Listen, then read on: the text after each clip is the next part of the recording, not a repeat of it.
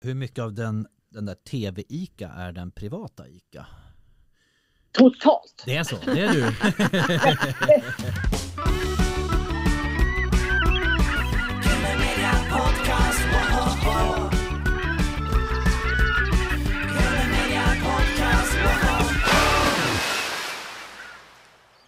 Välkommen till Gröna Media Podcast med mig Jakob Olsson. Med mig Henrik Ahlström. Och med mig, Erik Jensen.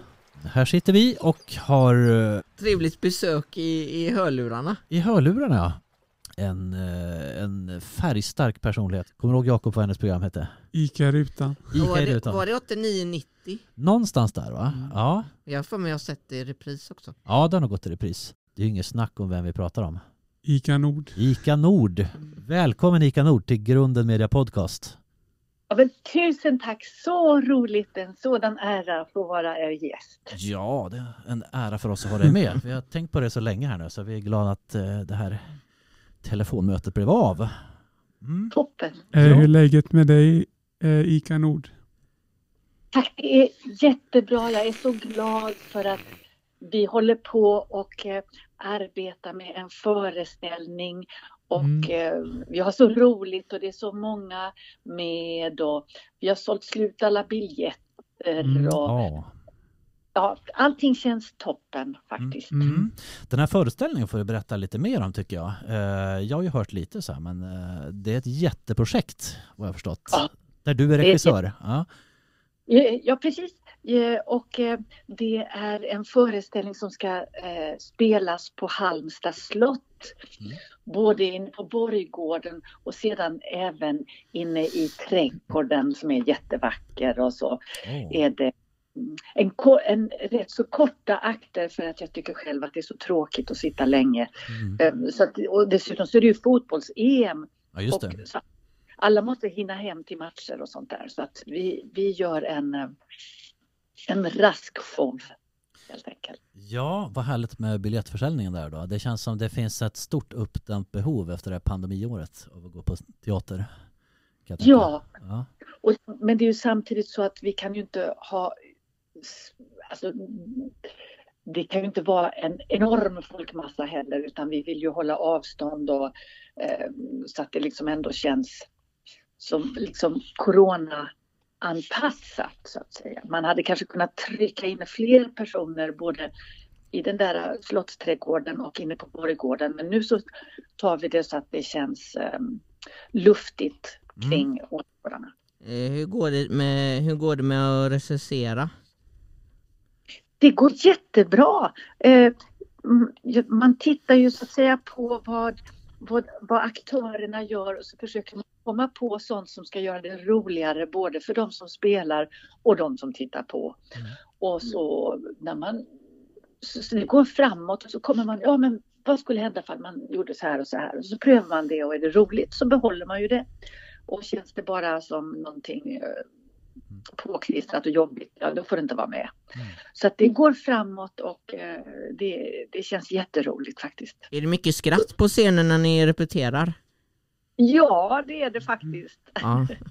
Ja. Och, sen hopp, och, och det är mycket skratt, i, inte i salongen för vi är ju utomhus, men i parkbänkarna som står placerade framför scenen så sitter det olika personer jämt och tittar och följer repetitionerna och de skrattar och det är ju huvudsaken. Hörde att det var en härlig blandning av eh, folk på scen. Det är musiker och eh, du jobbar med funktionsvarierade också. I... Ja visst, precis. Det är eh, flera faktiskt dagligverksamheter som är inblandade i projektet. Mm. Både med sin med mediaverkstad och följer och Insta och sådana där saker. Och även agerar på scenen och sjunger och, och alltså både som skådespelare och i de musikaliska partierna. Mm. Och eh, så finns det en teatergrupp här i Halmstad som också eh, består av personer med funktionsvariationer och som heter Teatergruppen Stjärnan. Mm. Och de har varit verksamma i en väldig massa år så de är hur rutinerade som helst. Mm. Och de är också med i eh, föreställningen. I andra akten som är inne i trädgården då är även eh, operasångaren Rickard Söderberg med Åh, Oj. Ja, och skådespelaren Joakim Nette Westerqvist. Eh, så att vi har två liksom eh, kända namn Mm. och eh, så kommer det vara med även en häst. Ah, okej. Och, Ja. och, ja. De brukar vara svårregisserade hörde jag. Eh, Ja, Jag läste här, inspelningen av Ronja Rövardotter när Börje Ja. Ahlstedt skulle ri- rida på. Ja. Ja. Men det funkar. Mm. Ja. Ja, än så länge så har inte hästen varit på plats och repeterat utan vi, vi väntar så att vi har allting klart först.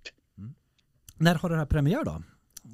Första juli. Ja, vad heter föreställningen? Det här vill ju veta Ja, alltså det heter Halmstad slottsspel Mm. och sedan själva liksom pjäsen som framförs heter Sensationer på slottet 1619. Mm. Så att det är olika kungar och drottningar och, och grejer som händer. Mm. Ah, spännande. Det får vi ge som ett tips till en lyssnare. Jag tänker här på verksamheten finns, Ja. det, finns det ju många kulturintresserade. Det skulle vara jätteroligt att Ja, åka och kul. kika på det. Ja, vad kul. Det är ju ingen snack om att du är i högsta grad aktiv fortfarande. Eh, Det är väl så annars liksom att man tänker syns man inte i tv så finns man inte, men, men det stämmer ju inte. Det var ett tag sedan du, du syntes i den berömda rutan kan man säga. Ja, precis. Nej, men som tur är så är det ju så att livet pågår även utanför eh, offentlighetens eh, förstoringsglas eller tv-rutan och sådär. Så att, eh, nej men det var väl ett tag sedan de här barnprogrammen och Katten Findus och det visades. Mm. Ja, det var slutet på 80-talet. Vi återkommer ju till detta. Eh, Ja, Men Ja. det är alltså Halland som gäller för dig och det, det har varit det hela tiden. Och där är du alltså numera teaterkonsulent om jag förstått. Eh, ja så heter det. Ja, Det innebär helt enkelt att man kan stå till förfogande för alla de amatörteatergrupper och körer och ehm, så kallad föreningsdriven verksamhet. Alltså det som är ehm, ja, som när människor gör någonting utan att få betalt. mm. Utanför av, av hjärtans lust helt enkelt. Mm. Så det är helt underbara uppgifter och det, det är teater för barn och det, är- ja, det, det är allt möjligt. Mm. Mm. Jag hör någonstans att det här är din första fasta anställning också. Stämmer det? Det stämmer. Ja. Ja, någon gång. Någon gång ska. Någon gång. Men du har alltså frilansat hela livet och levt eh, Ja, på hoppat från projekt till projekt liksom. Mm. ja. Vi får backa bandet här lite och börja från början här. Eh, Vilka hade du eh, förebild som ung?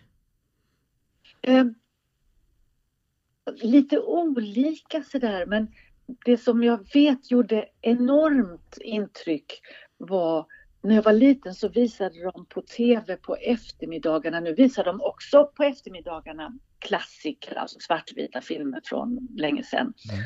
Och, och när jag var liten så visade de mycket filmer med Fred Astaire och Ah. Ginger Rogers och Gene Kelly, sådana här amerikanska musikalfilmer där de dansade väldigt mycket.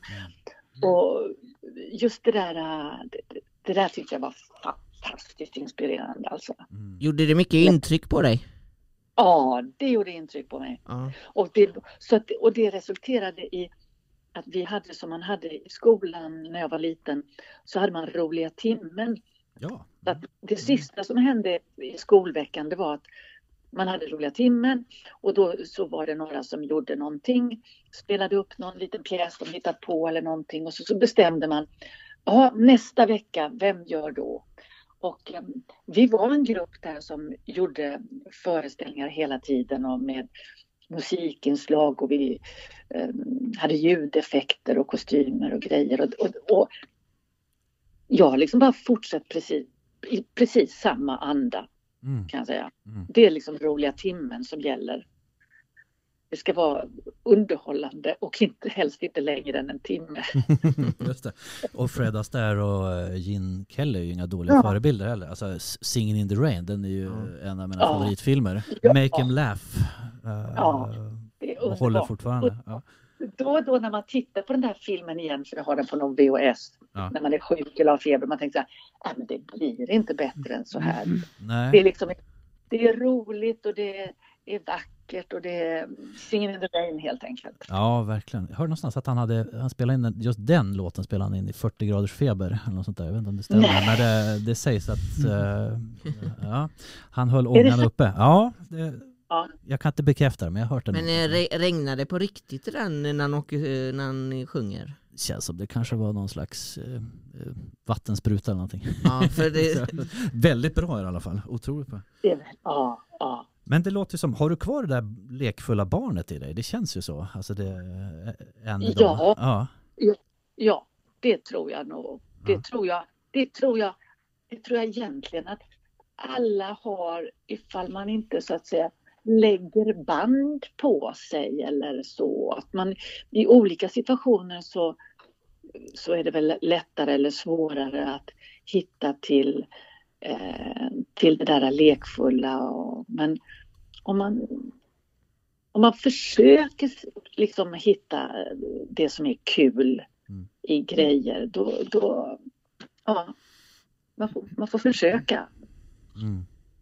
vända blicken mot det som är roligt och, och se det från, från en annan sida ifall det är lite kämpigt och sådär. Och, Mm. Hur blev mi- mimare Ica Nord? Ja, det... Ja, ja, nu ska vi se. Jag dansade mycket. Mm. Och, eh, eh, men när jag, ja, hur ska jag förklara? Jag, jag såg faktiskt David Bowie på en konsert David Mm. Bowie, ja. oj. och, och Mm. han började sin, han, han var mimare också i- och var med i en mimgrupp innan han blev eh, väldigt berömd popstjärna. Var det så? Jaha, okej. Ja. Och eh, han gjorde lite mim i den där konserten som jag såg på Skandinavium och då så tänkte jag bara att det där vill jag kunna. Mm. Eh, att det var något som var förtrollande med, med mim alltså. Att det var någonting som var lite speciellt och som jag fastnade för helt enkelt. Och, och så såg jag en film som heter Paradisets barn. Mm. En fransk film och den handlar också om en mimartist på 1800-talet. Mm. Och jag blev liksom helt kär både i filmen och i den där rollfiguren och hela, eh, ja, någon slags romantisk eh, bild av vad teater kan vara i livet. Mm. En, en extra, extra levande verklighet på Mm. något sätt. Mm. Det är något häftigt med det här ordlösa det som, som uttrycksmedel. De säger att eh, det är väl bara så här 20 procent av kommunikationen som sker, sker genom ord.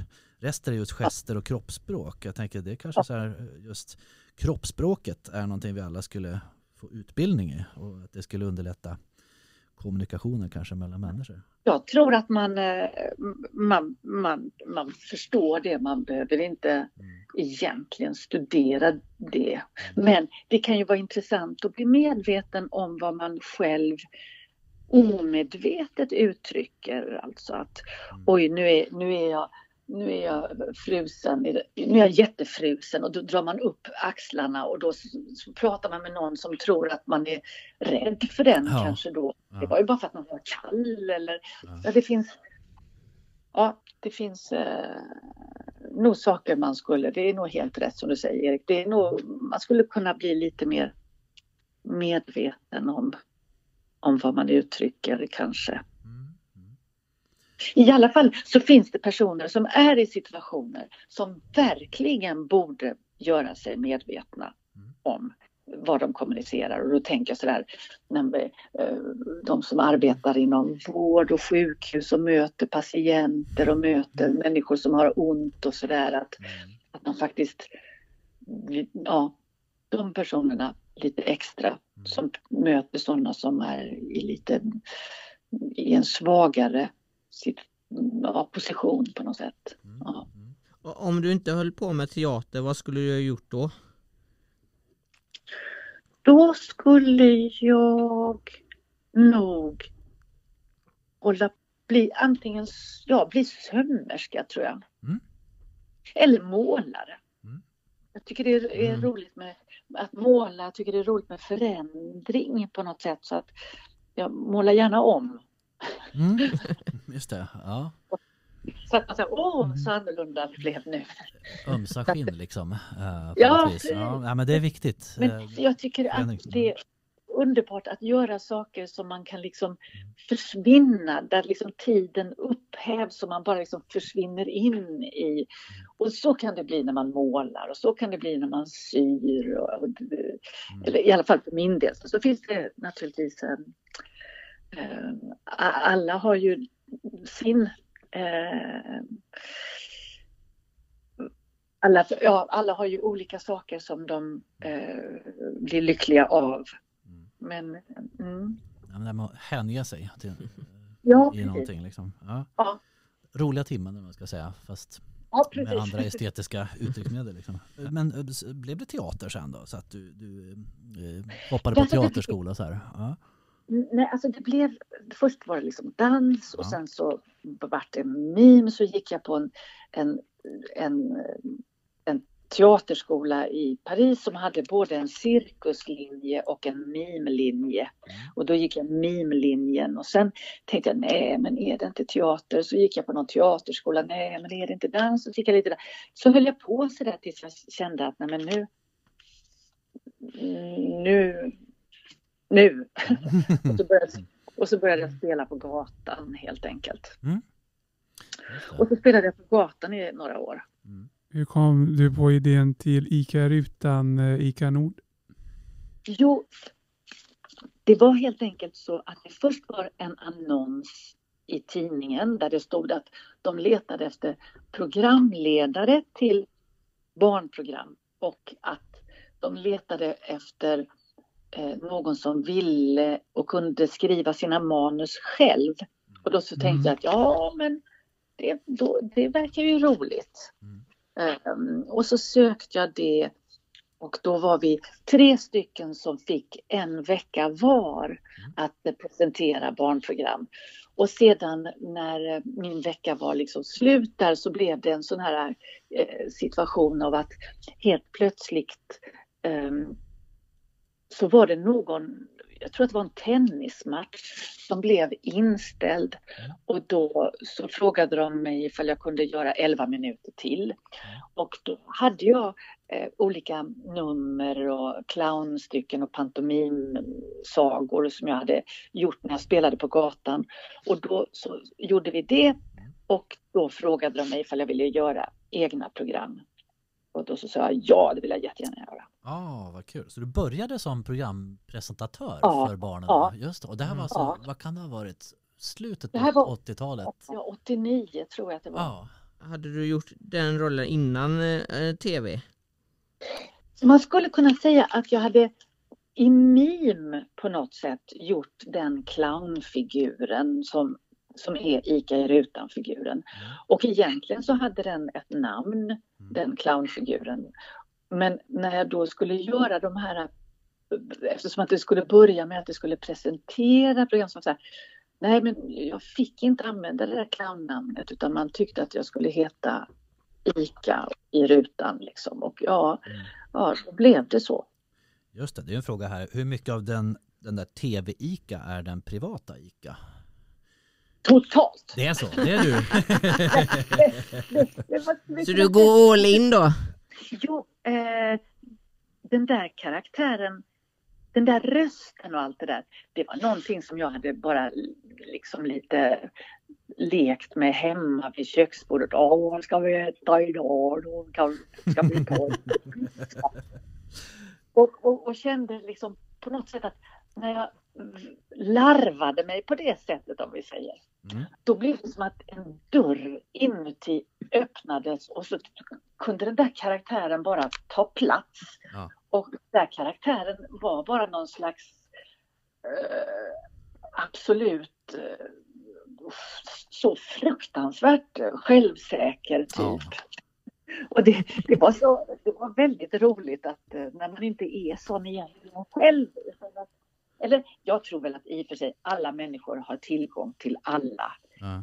saker. Man är, man är stark och man är svag och man är glad och man är ledsen. Men när den där rösten den öppnades och fick den där karaktären som är Mm. så Mm. oerhört självklar, den fick bara flöda ut och, och, och väldigt roligt. Och det är väldigt skojigt för att när jag spelar, för jag spelar fortfarande Mm.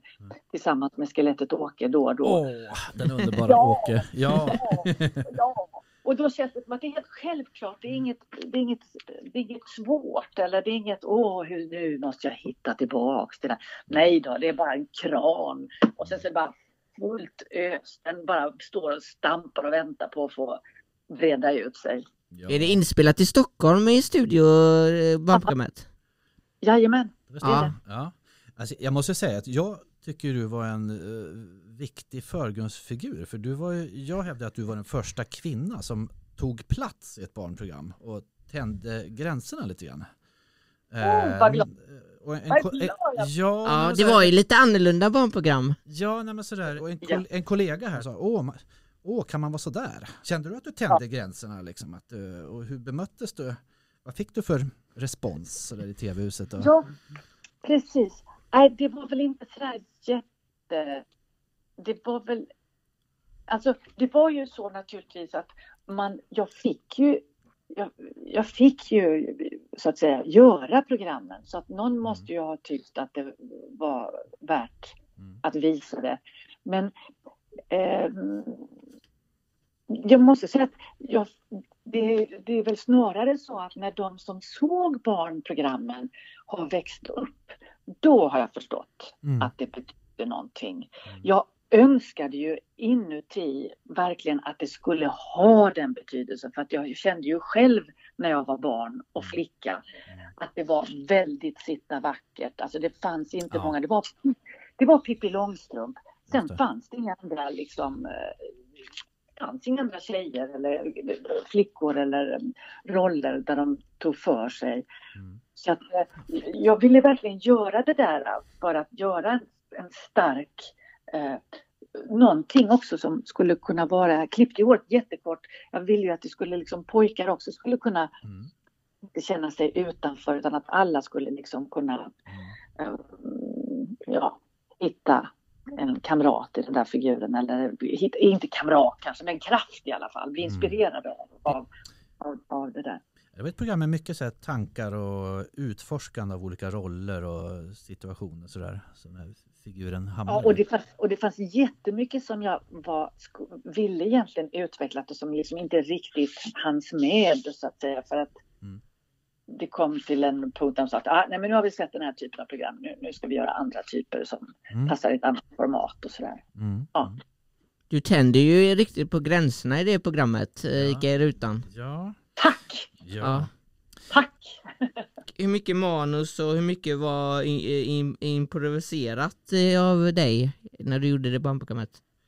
Allt var skrivet. Ja. ja. Allt var skrivet.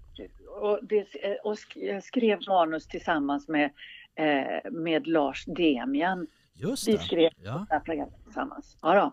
ja, han gjorde han- musiken också har jag förstått. Till, Jajamän. ja. alltså när jag tänker på liknande barnprogram i samma utforskande anda eh, så tänker jag på till exempel Mumlan och Buller i bock. Men kanske framförallt Manne.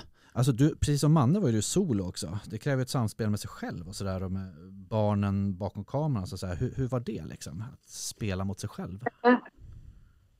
Så då är det ju det här, då har man ju absolut, man har ju det, man får ju verkligen övertyga sig själv om Ja. vi säger. Ja. Och så är det ju bara ett, ett massivt tryck helt enkelt. Det är som, ja, ja, nu kör jag inte motorcykel men det är liksom typ det. Man kan liksom inte, det är inte det att man, man cyklar och, vänt, och småpratar med någon utan det är verkligen att eh, ladda från tårna och bara ja. Mm. Men, men när jag hade spelat in den första, de första tio programmen, det tog en vecka. Mm. Man gjorde ett program på förmiddagen och ett på eftermiddagen. Mm. Och när jag kom hem på fredagen och såg programmen, jag fick med mig en VHS, då grät jag verkligen. Åh, Oj. okej. Ja.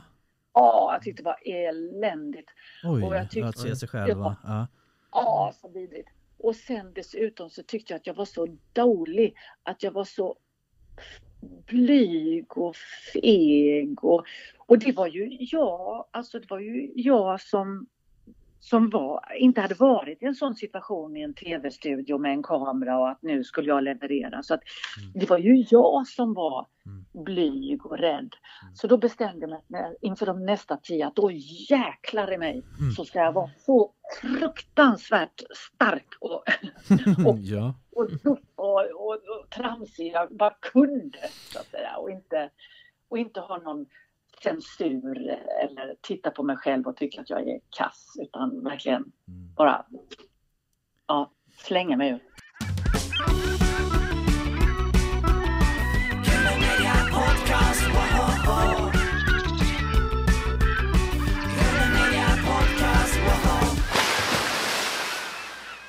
Kunde kameramannen hålla sig för skratt när du eh, gjorde dina upptåg? Ja, Ja.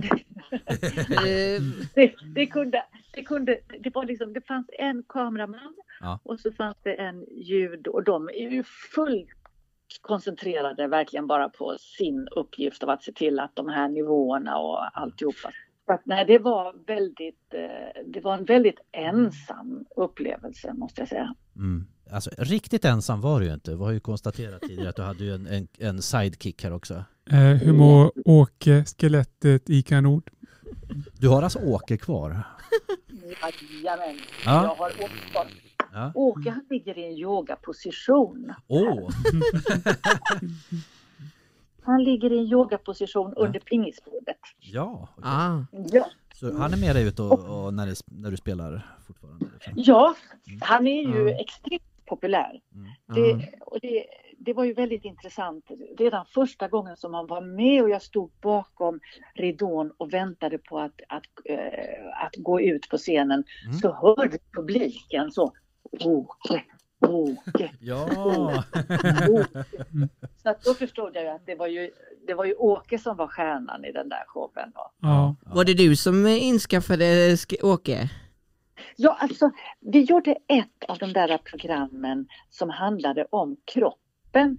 Och då så hittade vi ett skelett uppe på eh, rekvisitaförrådet på TV. Ah. Och så fick det skelettet vara med, men det var ju så rangligt och höll ju på fullständigt Mm. falla sönder. Så att då införskaffades det ett nytt, eller jag införskaffade ett nytt skelett helt enkelt. Nu tänker jag som gammal barnprogram eh, så att säga, nörd. Ja. Ja. Det fanns ju ett program som hette Kroppen med Jan Bergqvist en gång i tiden. Ja. Det, det var inte Eller- det skelettet? Nej, ja det kanske det var. Det Kanske, är möjligt. ja. Åh, vad det var bra det, Det var programmet. fantastiskt bra. Det Mm. lärde mig allt jag kan om Ja, kroppen kan jag det säga. var så Ja. bra. Åh, han var så rolig. Åh, det var underbart. Ja. Du hade ju en sidekick till där tror jag. Kenneth? Kenneth ja. Ja, ja, Det var flugan va? Flugan Kenneth. precis. Ja, precis. Ja, det fanns ju flera eh, personer utanför bild, höll jag på att säga. Det fanns eh, krokodilen Bengt, tror jag vi hade med. Ja. Det fanns lite olika figurer som, men det var lite svårt att få, den, få någon krokodil i tv-studion. Det, Ja. det, I ett program så var det så, så ville jag ju väldigt gärna att det skulle vara en, en liten gris med. Ja. Eh, och det var, men när den där grisen dök upp, då var det liksom inte en liten gris utan det var en enorm. Alltså enorm Det var riktig gris alltså. Ja. och, det var, och, det var, och jag trodde att den skulle vara gullig, liksom lite som, ja, men som en liten hundvalp eller någonting. Men den kom och den hade liksom långa borst. Jag var livrädd. Och jag skulle klappa, skulle klappa grisen och prata snällt. Nej, jag var i Tyckte barnen om det? Alltså det var ju inga barn på plats när vi spelade Nej, men jag in. menar efteråt, eller hade du med den i föreställningen grisen? Nej, I tv? Nej. Ja. Nej. utan jag var bara med där i, i, i, i tv i ett program som hette som handlade om djungeln hette det. Aha, okej. Ja. Och då var det någon historia där med någon gris som hade gått vilse eller någonting sånt. Mm. Alltså minns man ju också de här eh, alltså fina, det, det är som fina one-liners. Jag har så ont i förkylningen sa du vid något tillfälle. Eh, ja, men det var så vackra formuleringar tycker jag. Som, Vad kul! en kollega minns den här, om man har en kompis som är lite ledsen eller om man känner sig som en liten skit och stoppar, har man en visp som man stoppar in i örat så vrider man om lite och så blir det bra. den var fin. Också. Ja. Vi får hoppas att inte allt för många prövar att göra det Don't try this at home. Nej. rent praktiskt. Ja. Vad tänker du på när du ser programmet idag? Eh, nu, nu måste jag ju säga det att jag, jag, ser ju inte på programmet idag. Det är ju detta att det är ju Mm. väldigt jobbigt att höra sig själv och se sig själv och sånt där. Jag tycker det är väldigt genant och, och eh, jag tror inte det är meningen att man ska se sig själv och höra sig. Mm. Men det, det vet jag inte. Det vet jag. Det, det är ju det är en annan. Så det kanske är skönt att ha lite distans ifrån eh, rollfiguren. Mm. Alltså en del saker som jag ser tänker jag, ja men det här är ju riktigt roligt. Ja. Och, då, och, då, och då, det är ju precis som du säger, det är precis när jag ser att jag inte ser att det är jag, utan jag ser bara att det är liksom någon tokig typ som håller på med tokiga. Ja. Då fungerar det. Ja. Men ibland när jag ser liksom att Ja, ibland när jag ser att jag är eh, liksom lite eh, när jag ser mig, att, att jag själv är där så att säga. Det där är lite svårt. Mm. Men då, då tycker jag ju inte att det är så bra. Är du en person med prestationsdjävulen ibland på liksom? Något så fruktansvärt. Det tror jag... Jag tror nog att det ligger lite i människans natur att man, man vill liksom... Att man liksom strävar, va? att man vill att det ska bli bättre och att det ska Mm. att saker och ting ska... Men eh, eh, det där får man ju försöka hantera. Jag skulle göra en eh, föreställning en gång och så hade jag inte haft tid att repetera min scen så att jag regisserade också så att jag regisserade Mm. alla andra. Så hade jag då ingen tid till mitt nummer, då mitt komiska nummer. Och, eh, och jag var helt förtvivlad. Så ringde jag till min kamrat i i Kanada som jag spelade på gatan tillsammans med. En trollkarl som Mm. heter Peter Snow. Och så sa jag det att "Åh, jag- det, det är inte bra och jag är inte rolig och jag har inte haft tid att repetera och de kommer inte skratta och jag grät Mm. och tyckte att jag var usel i min scen. Och då så sa han det att ja men vad tror du händer ifall publiken inte skrattar? De kommer ju inte ta ut och bränna dig på bål ifall du inte är rolig. Det är ju inte s- civilisationen upphör ju inte med, med, att, med att du misslyckas på scenen. Så man, det gäller väl att påminna sig själv också om att det inte är hela världen Nej. helt enkelt. Och att, att det är bara jag som bryr mig om ifall jag misslyckas. Ingen annan bryr sig egentligen. Utan då får jag väl tänka varför, varför var jag inte så bra som jag ville? Eller varför tappade jag balansen? Hade jag inte ätit tillräckligt? Eller hade jag inte sovit tillräckligt? Och så får man väl försöka göra bättre. Göra om och göra bättre liksom vid nästa tillfälle. Och Mm. skocka av sig de dåliga tankarna och tänka att ja, ja, Vi, vi alla går ju, inte bara i konstnärskapet utan som Ja. människor går, går väl mer eller mindre konstant omkring kanske och är lite rädda för att bli avslöjade sådär. ja, Det är någonting djupt mänskligt tror jag. Duger jag? ja. Men liksom, frågan. precis. Eh, eh, när jag spelade på, på gatan så hade jag en sån här eh, aha-upplevelse. När det, för man är jätterädd då när man ska börja spela eftersom att man måste, man måste mer eller mindre eh, inifrån begära att människor ska stanna och titta på en. Det är ju liksom ändå en, Mm. det är ju, en, det är ju rätt mycket att eh, ja, att verkligen känna det att ja, men det här är tillräckligt roligt för att ni ska stanna nu mitt uppe i, ni är på väg och ska göra någonting, men stanna nu och titta på det för det här är jättekul, så får ni ett skratt och så. Eh, men att eh, när det gick upp för mig att det spelar ju ingen roll vem som står där i cirkeln och är rolig. Mm. Huvudsaken är ju att någon gör det så att människorna får samlas och stå i en ring och skratta tillsammans och uppleva någonting ihop och känna att man är en del av en, del av en, en gemenskap på något sätt. Mm. Men, och när, jag, när man inser då att det, det spelar ingen roll vem det är, då blir det ju det egna kravet på sig själv mindre helt enkelt. Mm. Ja, det är en intressant eh, paradox. Ja, så, som ja, du, det- så som du tog plats i programmet. Vi vill ju påstå att du rodde hem det hela med bravur. får säga. Ja. Verkligen så. Hur många program gjorde du? Jag gjorde 28 åtta program Mm. med Ica i rutan-karaktären. Alltså vi, vissa var lite rädda för den här karaktären också.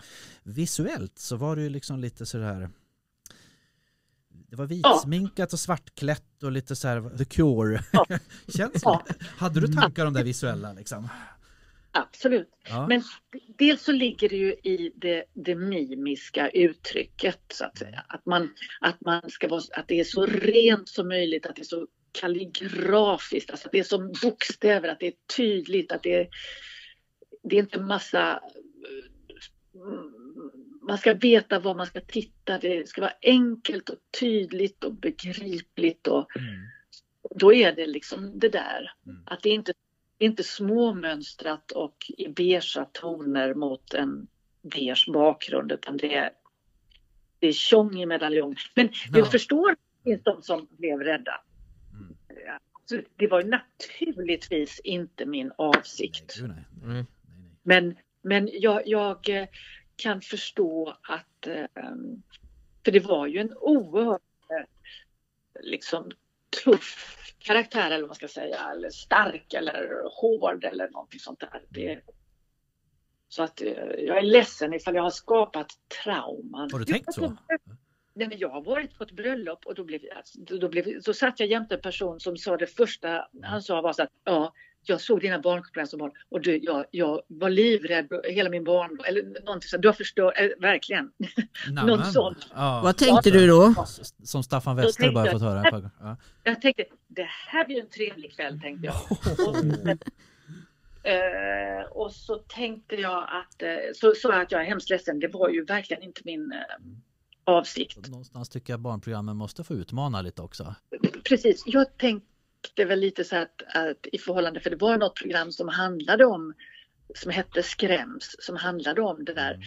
Att man liksom, man, och jag tror att det är därför människor tycker om att titta på skräckfilmer också, att man, Mm. man tränar sig i att jag blev rädd och det gick bra. Mm. Att det, oj, så här känns det att vara liksom lite rädd, men så går det över så att säga. Så att man, man, det är som en muskel att man, eh, eh, att man kan eh, att man hanterar sin rädd. Man blir, all, man blir ju rädd hela livet, men man Mm. vet att det, det går, det går ändå. Ja, ja man, man minns ju storpotäten från Staffan Westerberg. Vilse i pannkakan. Det, man behöver utsätta sig kanske lite. Men det blev ju en uppföljare där också. Jakob, kommer du ihåg vad uppföljaren hette? Icas tv-kalas. Ja. Precis. Så att de här ICA rutan-programmen, det var Mm. två eh, serier om tio vardera. Mm. Och sedan när jag skulle göra den tredje säsongen då var det så här, åh men det vore underbart att få arbeta med en regissör för i de andra två serierna då var det så att när vi hade gjort en tagning så fick jag titta på tagningen och säga Mm. "Nej, vi måste ta en till eller ja men det blir bra. Mm. För det fanns ingen annan. Det, det var bara, det, det, ja, det var lite så. Så att eh, i den tredje serien då, den som hade åtta program, ICAs tv-kalas, då var Thomas Alfredsson regissör och eh, det, vi var i en annan studio eh, där det en studio som ligger uppe vid Vallhallavägen där det finns en pool i studion. Ah. Så då hade vi ju en pool där det, det var visst någon scen som det ploppade runt massa bollar i den, vad jag minns. Mm. Ja. Du spelar ju katten, katten Findus i adventskalendern. Tomtemaskinen? Hur fick du rollen som Findus? Eh, jag gjorde en föreställning på Dansens hus som hette Apan. Så det var ju konstigt att det blev en kattroll av det. Men apan handlade inte om en apa. Den, den handlade inte om en apa utan det handlade om en, en människa. Helt enkelt. Och det var en föreställning som jag gjorde tillsammans med Matti Bye som spelade musik till och komponerade den. Just det, Och, han är stumfilmspianist ska sägas. Precis. Ja. Precis. Eh, och även har gjort mycket filmmusik på, på, till moderna filmer också. Just nu så vet jag att han har gjort musik till, för, eh, till filmen Tove som handlar om Tove Jansson. Ah, okej, Ah. ja, just det. Ja. Eh, men vi gjorde den där föreställningen och då kom de två personerna som låg bakom adventskalendern, eller tomtemaskinen, Torbjörn Ernvall och Birgit Hageby och såg föreställningen. Och de hade sett ICA Rutan-programmen också och tänkte att det här blir nog bra. Hur var det att jobba med Ingvar Hidvall eh, som spelar Pettersson? Ja. Det var ju jätteroligt. Det, det var ju väldigt roligt att vi fick göra det. Men rent konkret, alltså rent faktiskt, så, var, så såg vi ju knappt varandra. Vi såg varandra i fikarummet på morgonen innan mm. dagens tagningar började och vi sågs innan eftermiddagen satte igång. Men mm. annars så var han i en, ett hörn av studion och han såg inte mig och jag såg inte honom. Men Ika, det finns ju en scen i adventskalendern när du kastar snöboll eh, med honom. Ja. När du träffar honom i huvudet eller vad det är. Det är ganska kul. Eh. ja, och det får man ju vara tacksam för att eh, de som redigerar och klipper lyckas få ihop det där och, mm. med tekniken. För som sagt, vi var inte det, det, det, hände aldrig att jag kastade en snöboll i huvudet på Du jobbade framför en greenscreen-duk mestadels ja, där och ja. Eh, så klippte de in dig där. Precis. Ja. Eh, vad tyckte Sven Nordqvist, ICA Nord? Jag hoppas att han tyckte att det var bra. Ni var ju enormt porträttlika. Jag tycker det är en eh, sån eh, kalender som lyft fram som en klassiker också. Eh, vad ja. För att när jag tittade på katten Findus i böckerna så tänkte jag det här är ju helt omöjligt. Det kommer ju aldrig gå. Katten Findus är ju fruktansvärt rolig i, i böckerna och, och gör mm. liksom grejer som, som är helt omöjliga att göra både för en katt och för en människa. De är liksom Ja.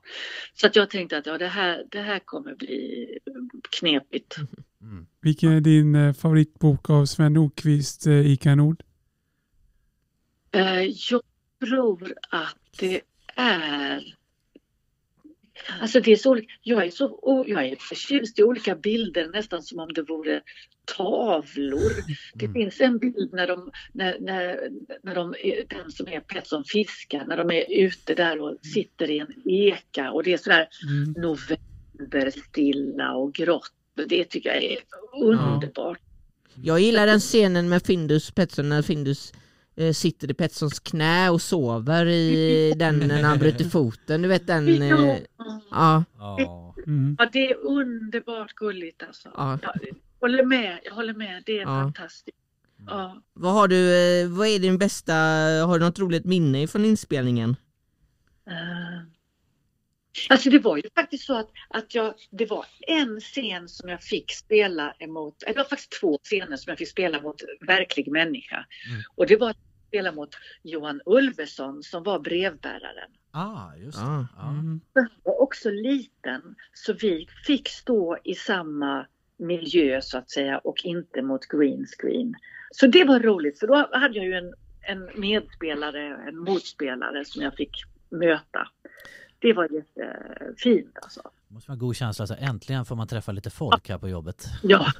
ja. så det, det var en ganska isolerad företeelse då? Eller ja, ja. man jobbade i en rum där då? Ja. Helt, helt ensam. Men därefter så blev det inte så mycket med barnprogram. Men det var inte den där känslan som gjorde att du slutade göra barn-tv? Eh, nej, utan nej men jag, eh, jag eh, har ju fortsatt att spela live, den där, liksom eh, min clownfigur. Ja. Och sen började jag i, i rätt så hög utsträckning, jag fick barn mm. som gjorde att jag eh, livet blev annorlunda. Så började jag regissera en del. Mm. Och regissera barnteater och skriva barnteater och sånt. Mm. Du har ju en son med Downs syndrom, eh, Remo. Ja. Hur, hur, har det påverkat dig? Eh, dels som människa kanske, men har du också haft glädje av den erfarenheten i ditt yrke? Ja, alltså eh, eh långt innan jag eh, fick Nemo så hade jag ju intresserat mig både för teckenspråk och hade liksom spelat med min, min clownkaraktär tillsammans med eh, jag säger min clownkaraktär, alltså Ica Rutan-figuren mm. och skelettet Åke. Jag hade ju spelat jättemycket på olika, även på liksom på daglig verksamheter och eh, så det, det, var liksom ingen värld som på något sätt var mig främmande utan jag har väl alltid känt mig jättehemma. Eh, där det är öppet i tak eller vad man säger. Eller där det finns utrymme för människor att vara på mer än ett sätt alltså. Mm. Så att jag... Eh, eh, ja, jag tycker bara att det är fler färger på något sätt. Mm. kan uttrycka det så att livet får fler färger och det, ja, Mm. man eh,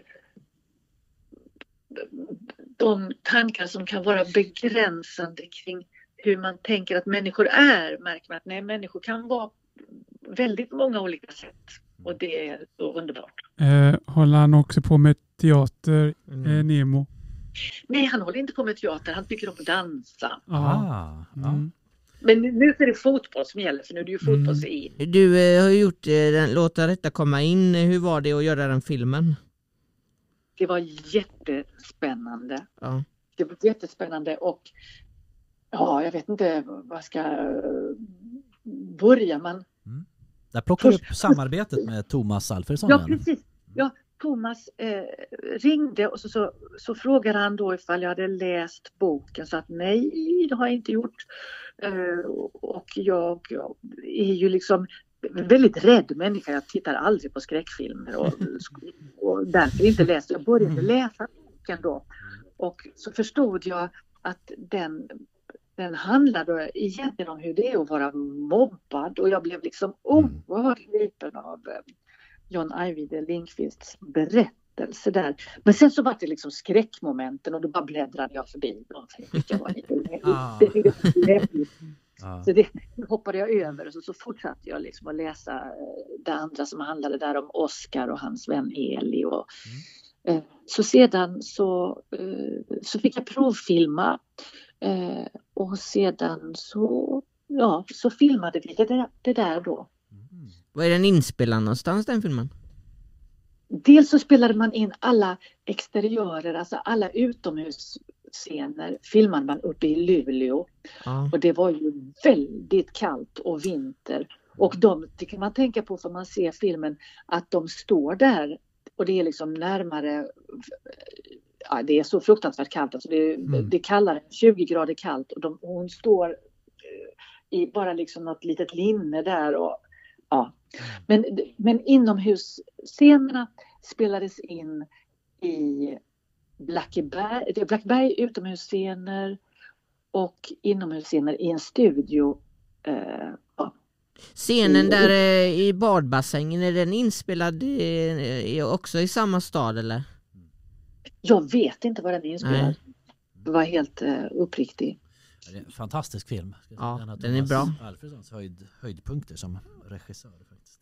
Alltså han är fruktansvärt, alltså det, att, att spela in med en så eh, trygg och eh, begåvad regissör är ju eh, det är underbart. Vem är du i filmen? Jag är eh, den enda som så att säga blir biten och blir vampyr. Ja. Jag är, jag, jag, rollfiguren heter Virginia och är då en av de som hänger på den lokala pizzerian. Det. Thomas Alfredsson, han har ju det där i om du ska referera med vampyrspråk här, i, Ja. blo, i, blo, i blodet. han, har ju, han har ju den där biten i blodet liksom med, med sin Nej, men far och var med sedan han var liten. Ja. För att när vi gjorde d- det ICAs TV-kalas-serien så var Thomas verkligen ung. Jag tror inte han hade fyllt 25 men man märkte det att han hade vuxit upp liksom på filminspelningar och hade liksom en enorm rutin och eh, koll eh, redan då. Alltså, oerhört duktig.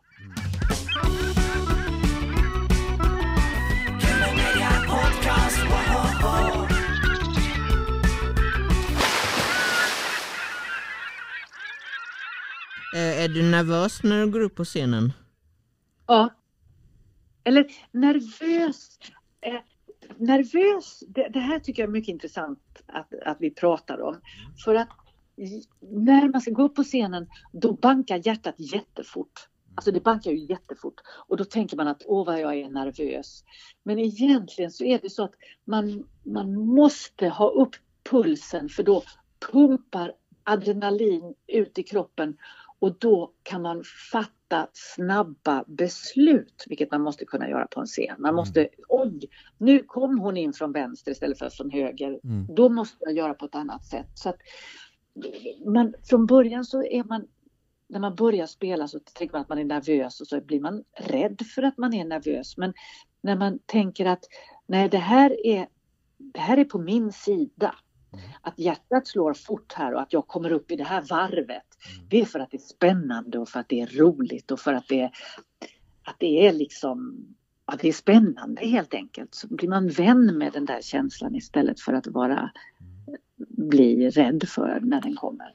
Ett visst mått nervositet är ju bra också. En god nervositet. Ja, eh, ja. när Man fokuserar så här. Har du gjort bort dig på scen någon gång, Ica Nord? Jajamän, det har jag. Mm. Bring it on. Ja, ja. Vi älskar sådana anekdoter. Ja. Åh, jag har gjort uppe. Åh, herregud. Det, det, tillhör ju de där sakerna som man försöker glömma och är svåra att komma ihåg.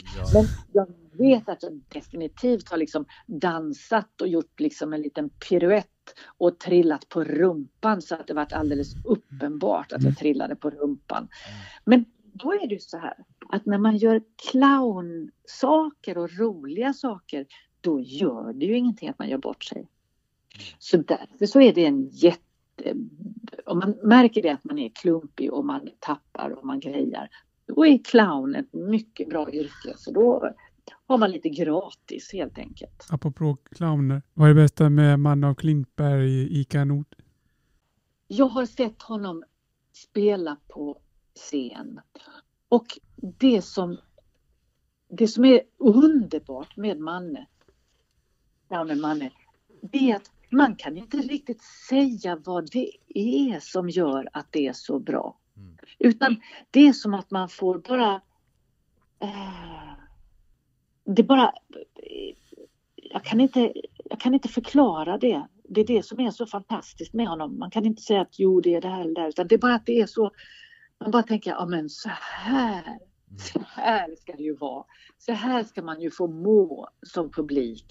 Att bara man får sitta och vara häpen och låta ögonen upp, liksom bara vara vidöppna och få känna sig så Mm, mm. i, i, i goda händer. Han har faktiskt en hälsning till dig.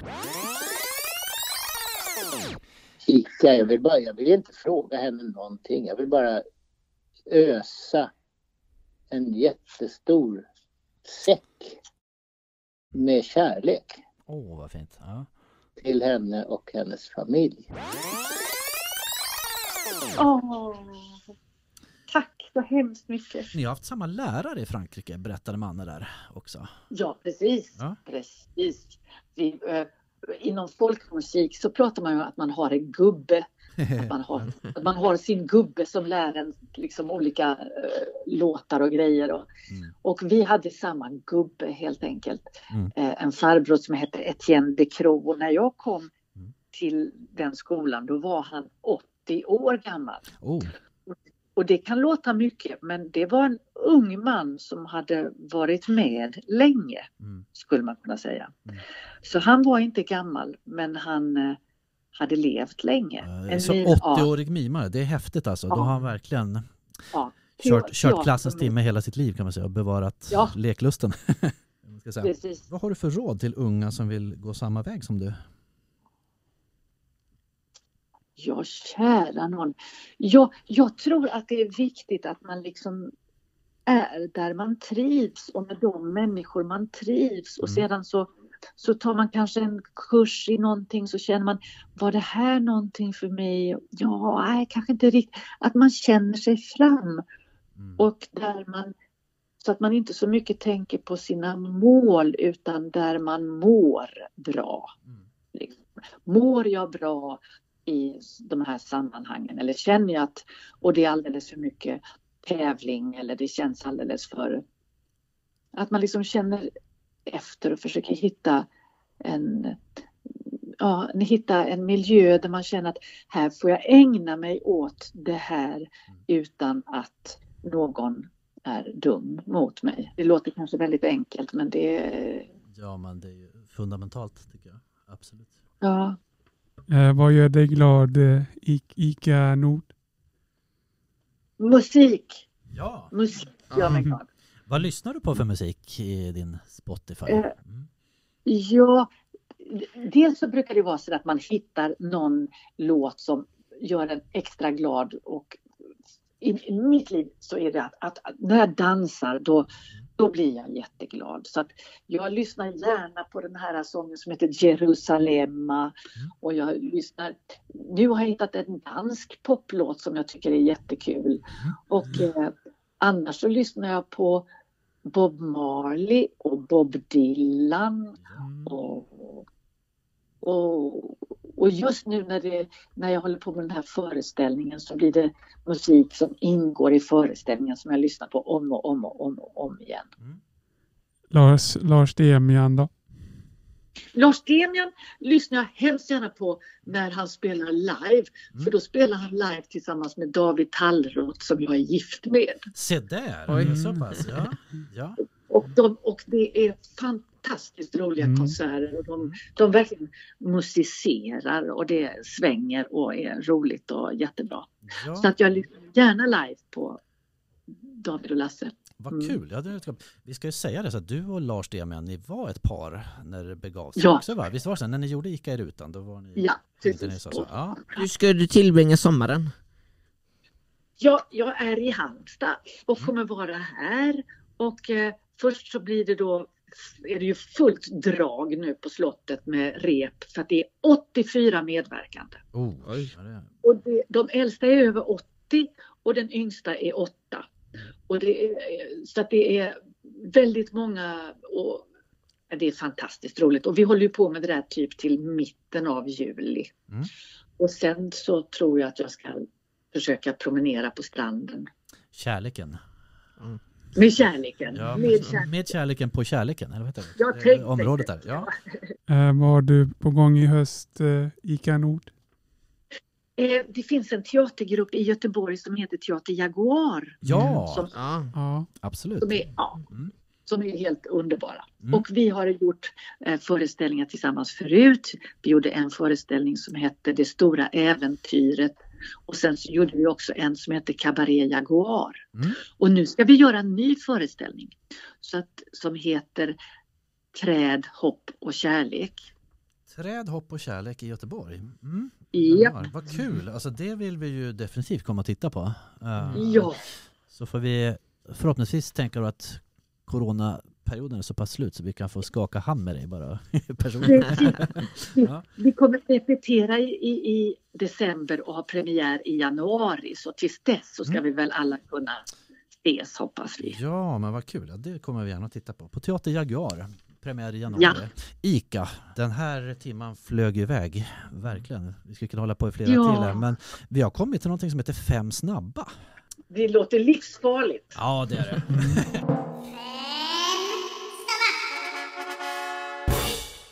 Kenneth eller Åke? Åke. Åke. Åke, alltid, Åke är alltid glad. Mm. Åke lyssnar väldigt bra. Eh, Dömer ingen. Mm. Ja, dansant. Poetisk. Ja. Han har allt. ja, den perfekta sidekicken ska jag säga. Ja. Det är fantastiskt också att han eh, ligger i yogaposition. Alltså, det är ett skelett, tänker jag. Men, eh, Han har faktiskt åkt fast i, en gång i tullen. Har han? Ja. Ja, jo, det var så här att Åke och jag spelade tillsammans med Göteborgssymfonikerna Ja. nere i Hannover på världsutställningen i Hannover. Ja. Och eh, när vi skulle flyga därifrån, för Åke han ligger ju i en väska när han reser. Ja. Och då åker den där väskan genom en sån här, på sån här röntgenband. Och då ropade de i högtalarna passagerarnart, amde bla bla. Och jag tänkte, för man Ja. lyssnar ju alltid när det kommer i högtalaren så att jag kände som att herregud, jag har vunnit på Lotto här eller någonting. Bingo, det är mig, de ropar på mig äntligen för första gången så är det mitt namn som ropas ut. Ja. Så, och de var väldigt allvarliga de här Mm. gränspoliserna och jag fick gå ner under och gå ut där. Och sen så kommer den här röntgenbilden och så ser jag att ja, såklart, där Ja. ligger ju Åke i sitt lilla tyg. Så jag, ja, eh, Fick du förklara för dem då? Dassist Åke. Ja, Ja. de sa, var nu så god och öppna den där resväskan. Ja, tänkte jag. Så, så, så, så, öppnade jag resväskan och så ligger han inpackad i liksom lite tyg. Så jag lyfte tyget lite dramatiskt. sådär. Och det var ingen som tyckte det var roligt. Nej. Och Ja. så fick jag förklara då att det här är min, Mm. att det bara är plast Ja. och att det är min clownpartner. Ja. Ja, De var måttligt roade kan jag säga. Men Åke, ja, han fick åka med hem i alla fall. Ja. ja, vad säger man i ett sånt läge? Das ist Åke. Ja. Mein, mein eh. Ja. Ska, vi fortsätta då? Va? Eh, manus eller improvisation? Uh, alltså det, jag tänker att manus kan vara bra att ha som liksom något så att man är liksom trygg ifall man skulle känna sig lite eh, okreativ. Mm. Men att absolut improvisera så fort det finns en anledning. För att det som föds i ögonblicket är alltid roligast. Eh, mime eller talroll? Alltså det, det finns väldigt få mimroller. Jag vet inte riktigt vad jag ska svara på det. Mm. Eh, Jag kan säga så här. att Jag tycker att det intressantaste alltid är det som sägs mellan raderna. Mm. Och att det finns väldigt många människor som aldrig säger vad de tänker. Mm. Och att det kan vara oerhört intressant det de tänker. Mm. Eh, Så att eh, det är mitt något kryptiska svar. Att eh, det där, det som är intressantast att titta på tycker jag, det är även på film, det är liksom när två människor inte säger Mm. exakt utan att det är det där spänningen som är när Ja. Jag håller med. Eh, kan det vara så att vi ofta är rädda för tystnaden, både på scen och i film och så att det, det måste fyllas upp med ljud, men att det finns något ot- Ja. otroligt spännande där är det, det outtalade. Precis, och det är inte alla människor som, som uttrycker sig med språket. Nej. Heller. Eh, Och faktum är att en av de absolut mest underbara teaterföreställningar jag sett var på Dramaten. Och den var skriven av Lars Norén. Och det var inte en enda replik. Vad heter Utan den? den hette Stilla liv. Mm. Och den, det var både vuxna och barn med i föreställningen. Och ingen sa någonting utan det var som eh, ett fotoalbum av eh, kortare scener. Där scenerna var sådana där man inte säger någonting till varandra. Mm. Det var fantastiskt. Spännande. Ja. Eh. Ica Nord eller I- Ica Maxi? Mm. Ica Nord! Ja, du får vara partisk där. vi är ju Gö- från Göteborg här vet du, så att vi får köra Ja, lite det är klart, det är klart. Det är Ja, ja. Eh, scen eller tv? Scen. Mm. Det som är roligt med scenen det är ju att, det, att man möter publiken och att man kan liksom ha roligt tillsammans. Att jag märker vad som går hem och sådär. Och, och att Åke också märker det, även om han inte uttrycker det så mycket. Så märker man att Åke tycker om det. Eh, men TV är ju fantastiskt roligt därför då kan man ju faktiskt komma hem till människor som kanske inte kan komma till, till teatern. Så att eh, både och måste jag säga det. Mm. Marcel Marceau eller Etienne Ducrot? Ja, då blir det nog ändå, eftersom att De Croo är min gubbe så får jag Ja. nog säga att men De Croo var Marcel Marceaus gubbe. Var det så? Jaha, så har, har han utbildat även Marcel Precis. Marceau? Det är häftigt. Ja, precis. Halland eller Stockholm? Halland eller Stockholm. Just nu är jag ju i Halland så då måste jag ju säga att jag trivs väldigt bra här just nu. Mm. Men jag längtar efter Jag har inte varit i Stockholm på ett år och Nemo och jag brukar till och med sitta och titta på sådana här program som handlar om polispatruller i söderort. Och så Ja. sitter vi bara åh, sitter vi. Åh! Just det. vi, lä- vi längtar så upp i Stockholm att vi kan sitta och titta på i princip vad som helst och bara sitta och säga åh. Åh. ja, lite exotiskt. Vi har faktiskt en följdfråga från Eva Rydberg. Sedan skulle jag fråga henne om för när jag skulle få mitt smink, va, Ja. eh, så det, varje klan har sitt speciella smink och ingen annan får ta efter. Aha. Hittar hon på sitt smink själv Ja, men jag vet inte för jag tycker att det är en särskilt bra idé. att jag gjorde det. För tydligen så blev de ju liksom rädda i Ica rutan och där och så Mm. vidare. Och så där. Så att, eh, eh, men så, så är det ju. Alltså, jag måste säga att apropå att någon sa att de hade blivit glada av att jag fanns som en, att man kan få vara sån var det någon som sagt om, om ICA-programmen där. Ja. Men jag minns ju med Eva Rydberg att jag kände också att, oh, gud vad underbart med en kvinna som, Ja. som är, tillåter sig att vara rolig och som inte eh, försöker något annat. Hon var ju också en gränstänjare. Eh, Ja, verkligen. Alltså, Det var den första clown jag minns att jag skrattade åt. Jag tyckte det var Ja. enormt kul när hon Mm. gjorde Cirkus Gott i tv. där, Precis. Alltså. Eh, så det är en stor hjälte. Ja. Och hon kommer också ifrån dansen. Mm. Så att eh, från, liksom ett, eh, från liksom det fysiska uttrycket och så liksom vidgar man det till det komiska. Och, mm. Ja, ni är ju på något sätt eh, frukter från samma fantastiska Ja. träd tycker vi. Så det, det är så underbart att få haft på ett halvår har vi haft alltså Eva Rydberg, Manne och dig. Det, det är en sån Åh! färgpalett. Vi är glada över det. Ja, Mm. så vi bockar och tackar Tänk för om det. vi finge göra en show ihop vi Det är klart ni ska Ja. göra det. Det Eh, vore väl något. vi på Grund Media, vi tänker så här, glöm inte var ni hörde det först. Precis. lyssnarna. Om du fick ställa en följdfråga till Annika Andersson, vad skulle du vilja ställa för följdfråga till henne? Ja, det skulle vara intressant att höra vad hon har för liksom metod för att dra igång den där motorn inuti som gör att man tycker att det är roligt och att man får eh, lust att eh, leka och spela. För att även om man gör saker och ting som är roliga så kan man vara väldigt ledsen ändå av andra anledningar här i livet. Så vad man gör för att liksom koppla upp sig mot glädjevågorna inuti också. Sådär. Jättefin fråga. Den tar vi med till Annika. Ja men toppen. Ja. Ica, vi gör som Manne här och öser en stor säck kärlek över dig och familjen och eh, Oh. tackar för en jättefint samtal Mm. och önskar Ja. dig lycka till med eh, det här jätteprojektet i Halmstad.